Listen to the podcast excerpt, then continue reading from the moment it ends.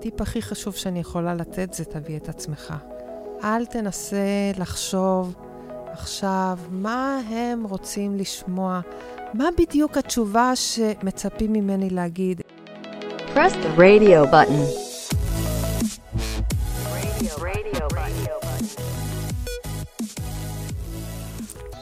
היי, hey, אתם על רדיו בטן, אני יולי טשר. נמצאת איתנו היום זהבה קשי. שלום. היי, איזה כיף שאת כאן היום. גם לי כיף. תודה שבאת. שמחה להיות פה. אה, זהבה היא UX manager בגוגל, וזו הזדמנות גם להגיד ל Google for Startups Campus על זה שהם מארחים אותנו כאן היום. אז אה, תודה לכם על האירוח המקסים. אה, הקמפוס נותן לסטארט-אפים הזדמנות לקבל גישה למוצרי גוגל, חיבורים לתעשייה וידע בנוסף לתכנים ואירועים לסטארט-אפים. אנחנו נמצאים כרגע בקריאייטר סטודיו, שהוא אולפן וידאו ואודיו מקצועי שזמין לסטארט-אפים בחינם. לעוד מידע ייכנסו לאתר שלהם. אז אנחנו נדבר עם זהבה על תהליכי קבלה לגוגל, על מבחני בית, מבחנים במקום, ונוציא ממנה את כל הטיפים הנדרשים כדי באמת להגיע למשרה המיוחלת. אז זהבה, את מוכנה לזה? יאללה. אז באמת, הסף כניסה לגוגל הוא מאוד גבוה. לא בגלל שגוגל לא מאפשרים לאחרים, אני בדיוק לאחרונה נתקלתי שהם רושמים באתר שאפילו אין דרישה לתואר. כן, זה נכון. למעשה, אנחנו מסתכלים על היכולות, מסתכלים על תיק עבודות, מסתכלים על מה בן אדם אה, מביא איתו וניסיון רלוונטי. אז, אז תואר הוא, הוא רק אחד מהמרכיבים, אבל הוא לא חובה. ויותר חשוב, מה אתה יודע לעשות. Uh, למעשה, אני רוצה קצת uh, לספר לך משהו שאמרו לי כשהגעתי לגוגל, ומאז, זה כל כך עזר לי, מאז אני ככה מקפידה לספר לכל המועמדים. כשבאתי uh, להתראיין בגוגל, מישהו אמר לי, תשמעי, המראיינים שיראיינו אותך הם uh, בידך.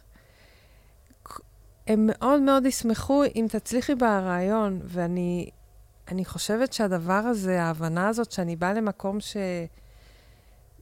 באה להתראיין אצל אנשים שממש רוצים לראות אותי מצליחה, עזר לי להיות יותר שקטה ויותר רגועה ולהביא את עצמי ברעיון בהכי טוב שלי. ולכן אני מאוד אוהבת לספר את זה לאנשים שבאים להתראיין, שאנחנו מאוד בטובתם, לטובתם. ואם הם יצליחו, לא יהיו אנשים שיהיו יותר uh, שמחים מאיתנו. האמת שהתהליך ארוך. Uh, גם אני עברתי תהליך כזה. Uh, אנחנו מנסים לקצר אותו, אנחנו מנסים כמה שיותר uh, לעשות את התהליך שיהיה נוח ונעים ופחות פחות מייסר, אבל uh, את יודעת, יש דברים, אנחנו משתדלים לבדוק היטב את המועמדים ולראות שהם מתאימים למשרה. והדבר הזה לוקח קצת זמן. אז זהו, באמת דיברתי על, ה, על הסף קבלה, שבפועל אין משהו שמונע ממעצב אה, להגיש תיק עבודות, אבל אפילו ה, להתקבל ל, לראיון אחרי, אחרי ששולחים תיק עבודות, אה, זה איזשהו אה, הישג. בתיק עבודות אתה רוצה להציג איזשהו מבחר של דברים שאתה יודע לעשות. אתה לא, לא כדאי להציג רק תוצר סופי. אה, אנחנו מאוד מתעניינים לראות תהליך, להגיד, אוקיי, בוא תסביר, אה, אם אתה מציג פרויקט מסוים, תגיד, מה הייתה הבעיה שניסית לפתור? באיזה דרך הלכת? מה היו השלבים השונים? ו... איך הגעת לתוצר שהגעת. זה, זה לא פחות חשוב מלהראות תוצרים איכותיים בסוף. את יושבת ועוברת על כל הסיפור בכל פרויקט כשאת מקבלת תיק עבודות? אני מחפשת, כן, מועמדים שיודעים להסביר היטב את מה שהם עשו. שאני רוצה לראות שהם בעצמם הבינו ויודעים להגדיר יפה את, ה, את הבעיה שהם ניסו לפתור. ושהם פתרו אותה ושיודעים לספר לי סיפור. ה- היכולת הזאת לספר מה עשית, להסביר את השלבים, וגם אם... בונוס זה גם להגיד למה זה היה קשה. זאת אומרת, אם יש משהו שהיה מאתגר, תסביר לי מה היה האתגר ואיך פיצחת אותו. זה בהחלט uh, יכול להוסיף uh, יותר נקודות. עכשיו, uh, כמובן שיכול להיות, לכל תפקיד יש את הדרישות שלו. אני, יכול להיות שתיק עבודות מסוים יהיה מתאים לפרויקטים שאני מנהלת, ולא יהיה מתאים לפרויקטים שמנהל אחר. כך שאם אתה שלחת תיק עבודות ולמשרה מסוימת זה לא התאים, זה לא אומר שמחר מתפרסמת משרה אחרת, ושם זה יכול להיות רלוונטי. כך ש... אפילו אם זו אותה הגדרת משרה? כן, אפילו אם זו אותה הגדרת משרה, יכול להיות פרויקטים מאוד שונים, יכולים להיות, למשל, יש פרויקטים שהם יותר uh, עבור מוצרים שהם ל enterprise, אז אולי הם דורשים אה, ניסיון במערכות מורכבות, ויש פרויקטים שהם יותר user facing, consumer facing, ואז אתה צריך אה, ניסיון יותר שמיועד לאנשים שהם end users. זה סוג אחר של אה, עבודה, סוג אחר של חוויה. ויש תיקי עבודות שיותר מותאמים למשרות כאלה, ויש תיקי עבודות שהם יותר מתאימים למשרות אחרות. אתה תראה את הכי טוב שלך. אם יש לך ניסיון מגוון, אז תביא כמה דוגמאות, אחד מכל תחום, זה בהחלט אה, מעניין. כמה עבודות באמת אה, נדרשות, כמו שכולם אומרים, שתיים, שלוש? שתיים, שלוש, כן. אני... סיפרת על זה שאת רוצה לראות תהליך. אני חושבת שהיום זו דרישה מכל אחד שהוא כבר בסניור אה, UX, חברות ש- שהן גם לא גוגל. עדיין אני חושבת שיש משהו בגוגל שדורשים קצת מעבר לסיפור. אמ, תראי, אתה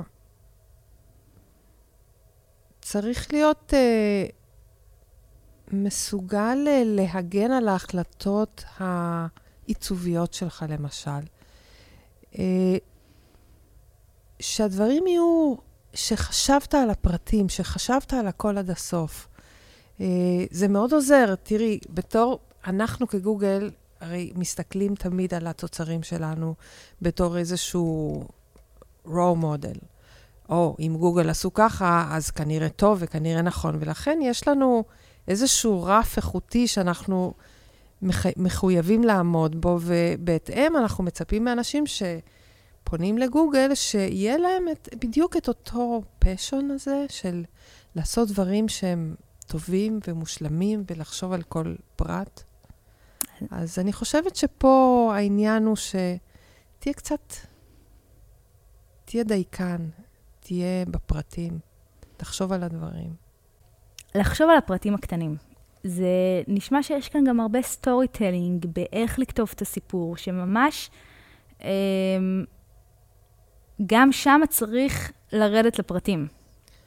כן, בהחלט. אני, אה, חלק גדול מ, מ, מהדרך שאתה עושה כשאתה בא להתקבל בגוגל, לגוגל, אה, כרוך ב, בלספר את הסיפור שלך כמו שצריך, להגיד, אוקיי, מה הסיפור שלי? קודם כל תבין, מה הסיפור שלך? מה, מה בעצם אני בא, יש לי, שאני יכול לתרום לגוגל? ותספר את זה. תדע להגיד את זה במילים, לתאר את הסיפור הזה בצורה טובה, ברורה ומעניינת. זה חלק מהעניין. אני, בוא נגיד ככה, אני בדרך כלל בעד יותר Don't tell, just show. יותר mm-hmm. תראי לי מה עשית במקום תגידי לי מה עשית.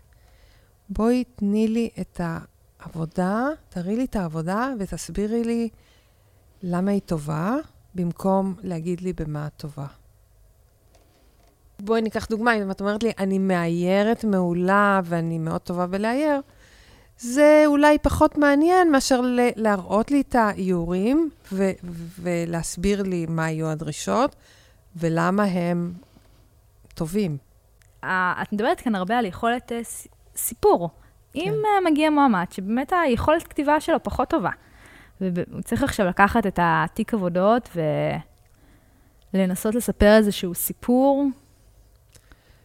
תראי, אנחנו לא, אנחנו לא באמת עכשיו uh, מדברים על uh, באמת שהסיפור יהיה מעניין, אבל uh, לא סיפור במובן הקלאסי שאומר, אוקיי, בוא תכתוב לי איזשהו משהו מאוד, אה, מין רומן כזה. יותר, אני מדברת על, תסביר, אוקיי, הנה הבעיה שהוצגה בפניי, הנה הדבר שהייתי צריך mm-hmm. לפתור, הנה הדרך. לא צריך הרבה מילים, אבל צריך להראות את כל זה, צריך להראות את, ה, את הדרך שעשית.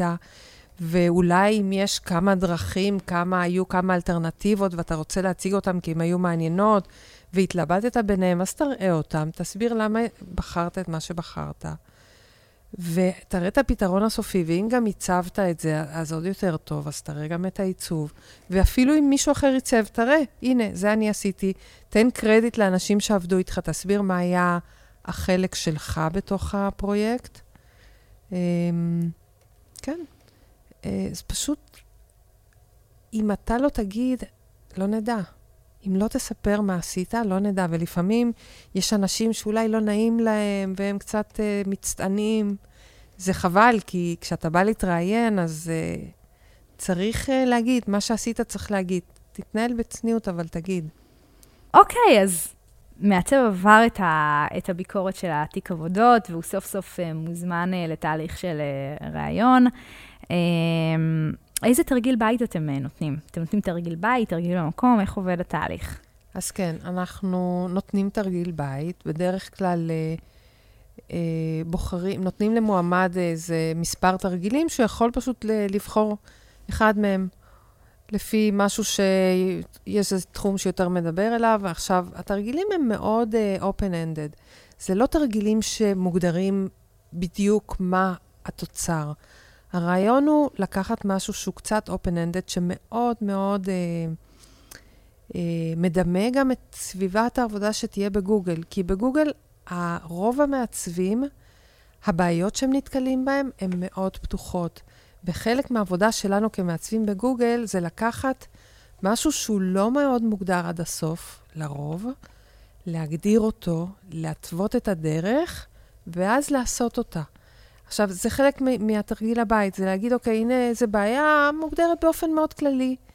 תחליט כמה שעות אתה רוצה להשקיע בזה, תבין מה הבעיה, תגדיר אותה קצת יותר טוב. זה מאוד מאוד, אחר כך, זה נותן לך גם דרך להבין איזה סוגים של uh, יכולות תצטרך בגוגל עצמה כשתעבוד שם. לקחת בעיה שהיא לא מוגדרת עד הסוף, להגדיר אותה, לתחום אותה, להגיד, אוקיי, בגלל שאני יכול להקדיש לזה רק כך וכך זמן, וזה בסדר. כל מסגרת זמן שתבחרי, זה בסדר גמור להשקיע. כל עוד את אומרת, הנה, כך תחמתי את זה, זה רק את הדבר הזה, מתוך כל התכולה הגדולה שיכולה הייתה להיות פה, רק את זה אני עושה. תסבירי את, ה, את המטרה, את הדרך שאת הולכת בה, בדיוק כמו שאמרנו בתרגיל בית, ו... ותראי את הפתרון שלך. תראי מה הפתרון ולמה בחרת בו, ותראי שאת מציגה משהו שהוא באמת אה, קוהרנטי, שהמעבר משלב לשלב הוא מוקפד, ו- ואת מבינה שכל דבר נובע אחד מתוך השני. אה, וזה מה שאנחנו בעצם רוצים לראות. רוצים לראות שהצלחת לקחת משהו פתוח, לסגור, להגדיר אותו, ולבוא עם, עם פתרון שאת יודעת להסביר אותו. וגם פה, הדרך להסביר את הפתרון ולהביא איזשהו סיפור מעניין, אה, זה חלק מהעניין. איזה טיפ באמת את יכולה להביא בהקשר הזה של גם של הצגת תרגיל, גם מהתרגיל בית שהבאתם, וגם אה, סתם באופן כללי כשמגיעים לרעיון ומציגים את העבודות? כן, אז הטיפ הכי חשוב לכל אחד, ו- ולא רק לגוגל, אני חושבת שלכל מקום עבודה שאתה בא ומתראיין, הטיפ הכי חשוב שאני יכולה לתת זה תביא את עצמך. אל תנסה לחשוב עכשיו מה הם רוצים לשמוע, מה בדיוק התשובה שמצפים ממני להגיד, אלא תש, תשמע את השאלות ששואלים אותך, ותענה את מה שנכון לך באותו רגע לענות, מה שאתה חושב שזה הדבר שמתאים. לא מה שאתה חושב שאנחנו חושבים ש... שאנחנו רוצים לשמוע. וזה פשוט גם מפנה לך את הראש לחשוב על, על הדברים האמיתיים ש, ש, ועל הבעיות האמיתיות שכרגע אתה מנסה לענות עליהן. וואו, זה, זה מעולה, זה גם בדיוק מתקשר, מתקשר לאיזשהו פרק שהקלטתי עם uh, טניה, שהיא ה-UX designer בסקאץ', והיא, סליחה, UX research, והיא סיפרה שבאמת כשהיא ראתה את המשרה, זה היה מקום שהיא פשוט הייתה עצמה ופשוט שפכה את כל מה שהיא חושבת על הכלי ומה אפשר לשפר, והייתה כמה שיותר, אה, כמה שיותר באמת מה שהיא, בלי, בלי פילטרים. אז הנה, זה באמת אה, מתקשר, כן. אולי אנחנו טובים כמו שאנחנו. בדיוק. ואם, ואולי אנחנו בדיוק, גם לא מתאימים. וגם אם זה מתאים, מתאים, ואם זה לא מתאים, זה שאתה תנסה to fake it ולעשות משהו שהוא לא בדיוק מה שאתה, זה אף פעם לא עובר טוב. באמת בהקשר של מי אתה, איזה תכונות את מחפשת במועמד? מה התכונה הכי חשובה לך? כי אני מאמינה שאת מחפשת הרבה כן, תכונות. אז, אז אוקיי, אני חושבת ש... Um, כמו שאת אומרת, יש המון תכונות שאנחנו מחפשים במועמד, אבל התכונה הכי חשובה זה להיות מסוגל uh, לבוא לעבודה, אבל להשאיר את האגו מחוץ לדלת. פשוט לבוא אתה, להיות מסוגל לקבל פידבק, ולהבין שהפידבק הוא על, ה, על העבודה ולא עליך. אה, להיות מסוגל אה, להבין שלרוב הרעיון הראשון שיש לך לא יגיע לקו הסיום, וזה בסדר. ושיש עוד חברי צוות, וזה בסדר שהם נותנים פידבק. ותקשיב, כי איך אומרים, איך אמרו חכמים מאיתנו? שאם תקשיב, אז אולי תלמד משהו, כי את הדברים שאתה אומר, אתה כבר יודע. וזה נכון גם פה. הרבה פעמים אתה מביא עבודה, והדברים שאתה שומע מחברי הצוות שלך, והאינפוטים שהם יכולים לתת לך כשהם רואים את העבודה שלך, הם פשוט הדבר הכי חשוב שאתה יכול לקבל ושישפר לך את המוצר ואת התוצרים שלך.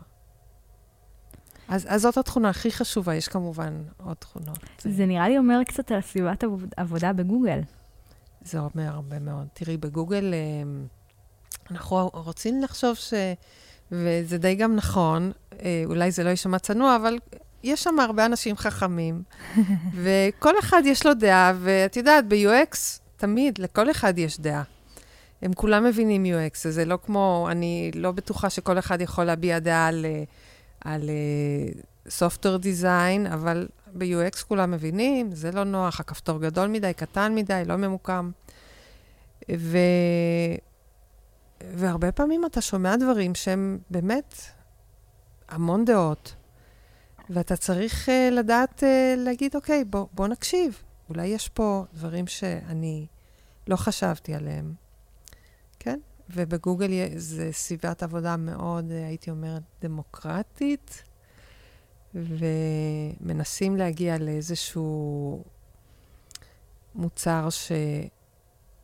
שכל הצוות אה, מסכים בדרך שלו.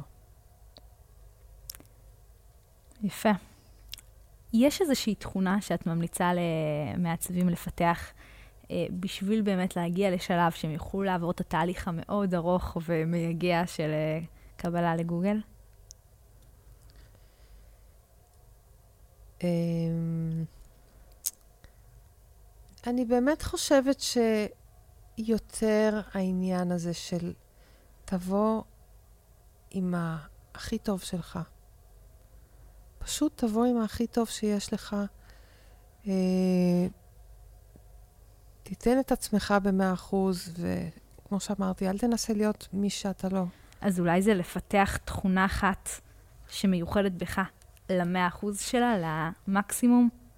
כן, הרבה פעמים, אם אתה חושב, אם יש לך איזה משהו שאתה חזק בו, ואתה מאמין שזה דבר שמייחד אותך ושאתה יכול אה, לתרום מהדבר הזה לגוגל, אז אנחנו תמיד אה, מחפשים, בדיוק מחפשים את, ה, את הצוות הזה שבו כל אחד מביא את הדבר המיוחד שלו, ואני שמחה מאוד תמיד שהצוות ש, שעובד איתי הוא מגוון, וכל אחד מביא את היכולות שלו, וביחד אנחנו שלם.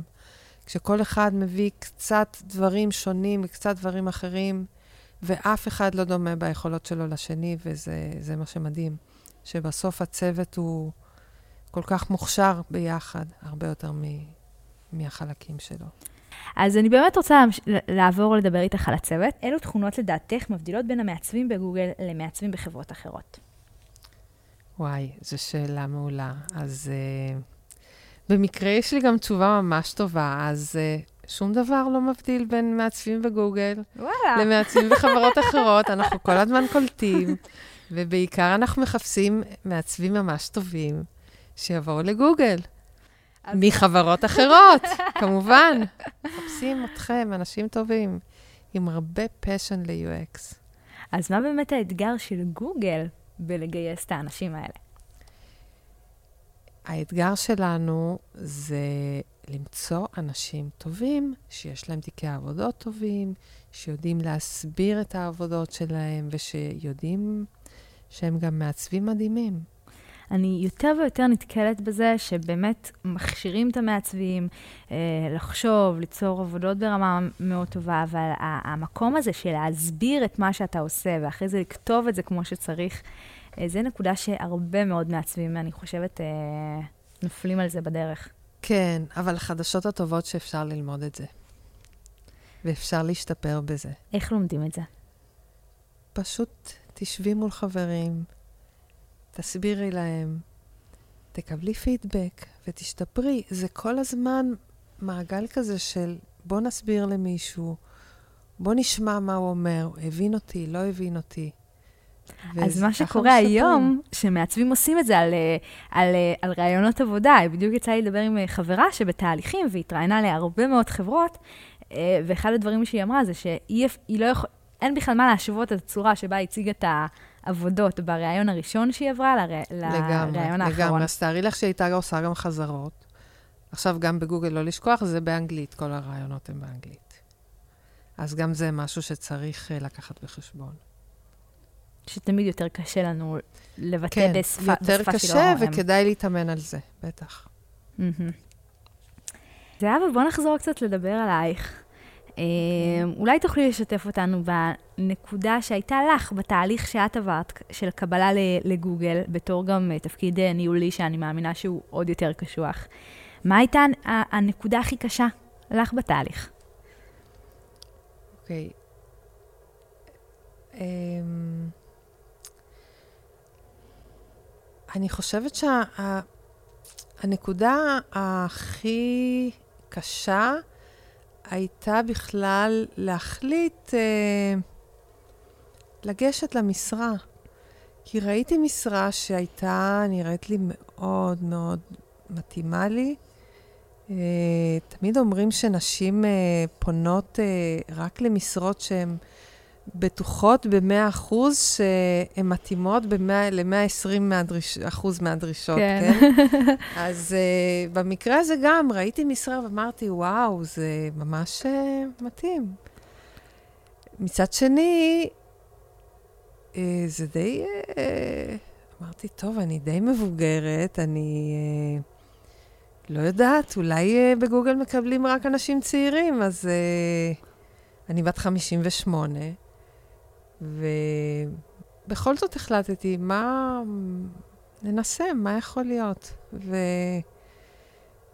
וניגשתי למשרה, והיה תהליך לא קצר של רעיונות, זה, זה צריך, השקעתי הרבה עבודה גם בלהתכונן, גם בלהכין, כשאתה בא לגוגל אתה צריך להכין איזושהי מצגת, שאתה מציג את עצמך.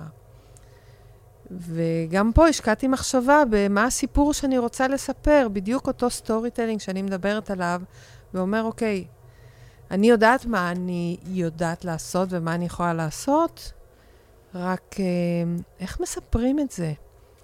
וזה תהליך שהוא לא של יום אחד, אתה מתחיל לעשות מין dump כזה ל...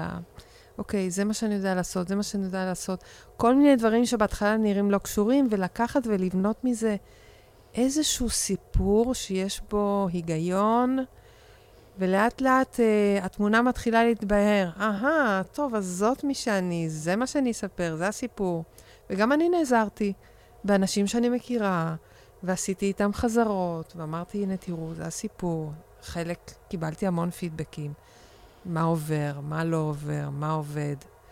ובסופו של דבר אה, הגעתי לרעיון עבודה שהייתי מאוד מוכנה, ו... ואפילו התקבלתי. התקבלת ולנהל צוות של אה, כמה כן. מעצבים יש היום? אה? כן, לנהל צוות uh, גדול של מעצבים בתל אביב. מאוד מעניין, מאוד מאתגר ומאוד מפתח מבחינה אישית. מדהים. אז uh, החלום קרה. כן. ומה שונה החלום מהמציאות? Um, תראי, בסוף uh, קמים בבוקר ובאים לעבודה, וכמו בכל עבודה, יש, uh, יש uh, תפקיד שאתה צריך לעשות, ויש רגעים מאוד מספקים ומאוד משמחים, ויש רגעים שאתה עובד מאוד קשה, וזה עבודה. בסוף זאת עבודה. ש... זה מקום מאוד מעניין. אני ספציפית עובדת על מוצרים שיש, שיש להם מיליוני משתמשים. אנחנו מוציאים גרסה חדשה, ולמחרת יש לנו אלפי תגובות טובות, לרוב, אני מקווה, לפעמים גם פחות טובות, אז זה מדהים, ההד שכל דבר שאתה עושה מקבל בגוגל. את מצליחה לישון בלילה אחרי שאת מוציאה גרסה? כן. טוב, כנראה שגם מתרגלים לכל דבר. כן. אני יכולה לשתף במשפט הראשון שאמרת לי בשיחה הטלפונית שלנו? אין לי מה להגיד. זה, זה נורא מעניין, זה באמת תהליך נורא מעניין, שנדמה לך שאין למה, לך מה להגיד, או קוראים לזה אימפוסטר סינדרום, כן? ושנדמה לך, תמיד נדמה לך שאין לך מה להגיד, מה כבר יש לי להגיד, מה זה מעניין? ובסוף, אה, תודות לך, יצא סיפור מעניין. מסתבר שיש לי מה להגיד. יש לך המון מה להגיד, ואני גם ישר, איך שענית את התשובה, אמרתי, וואו, כמה דברים יש לה להגיד. אם היא אומרת שאין לה מה להגיד, זה רק אומר כמה יש לה, אה, בשיחת טלפון. אה, והשיחה הזאת נמשכה מעל שעה, והיה לי חשוב שתגידי את המשפט הזה, כי זה קצת מתחבר, אני חושבת, למקום שלנו כמעצבים עם ה storytelling. אנחנו מרגישים שאין לנו מה להגיד על הפרויקט שעשינו. זה נכון, הרבה פעמים גם אתה מביא, אה,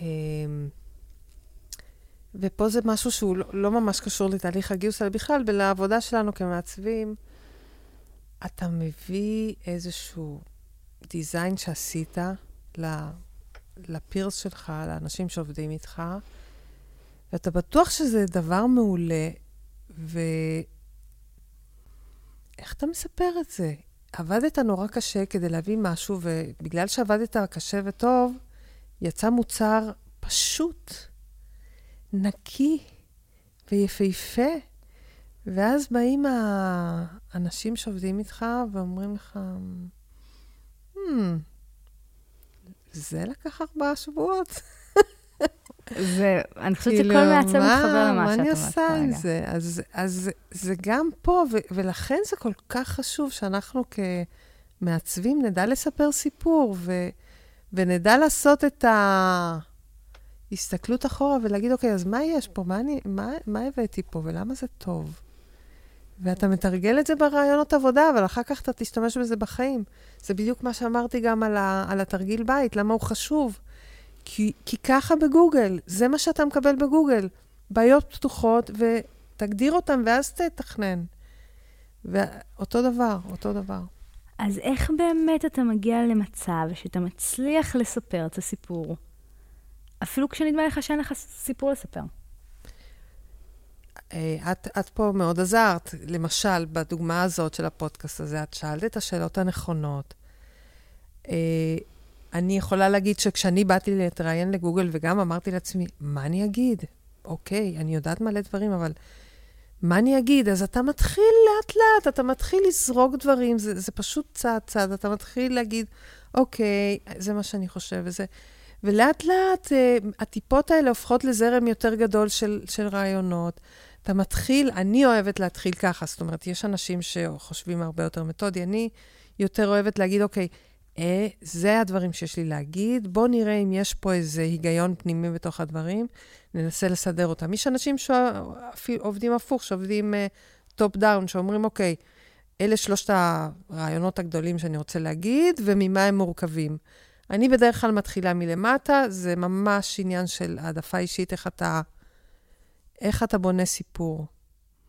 אה, ו- והרבה עזרה מאנשים אחרים שרואים אצלך, את יודעת, דברים שרואים משם לא רואים מכאן, הרבה פעמים אתה לא רואה מה אתה יודע לעשות, אבל אנשים אחרים יכולים לשקף לך. אז אותו דבר אולי עם עיצוב.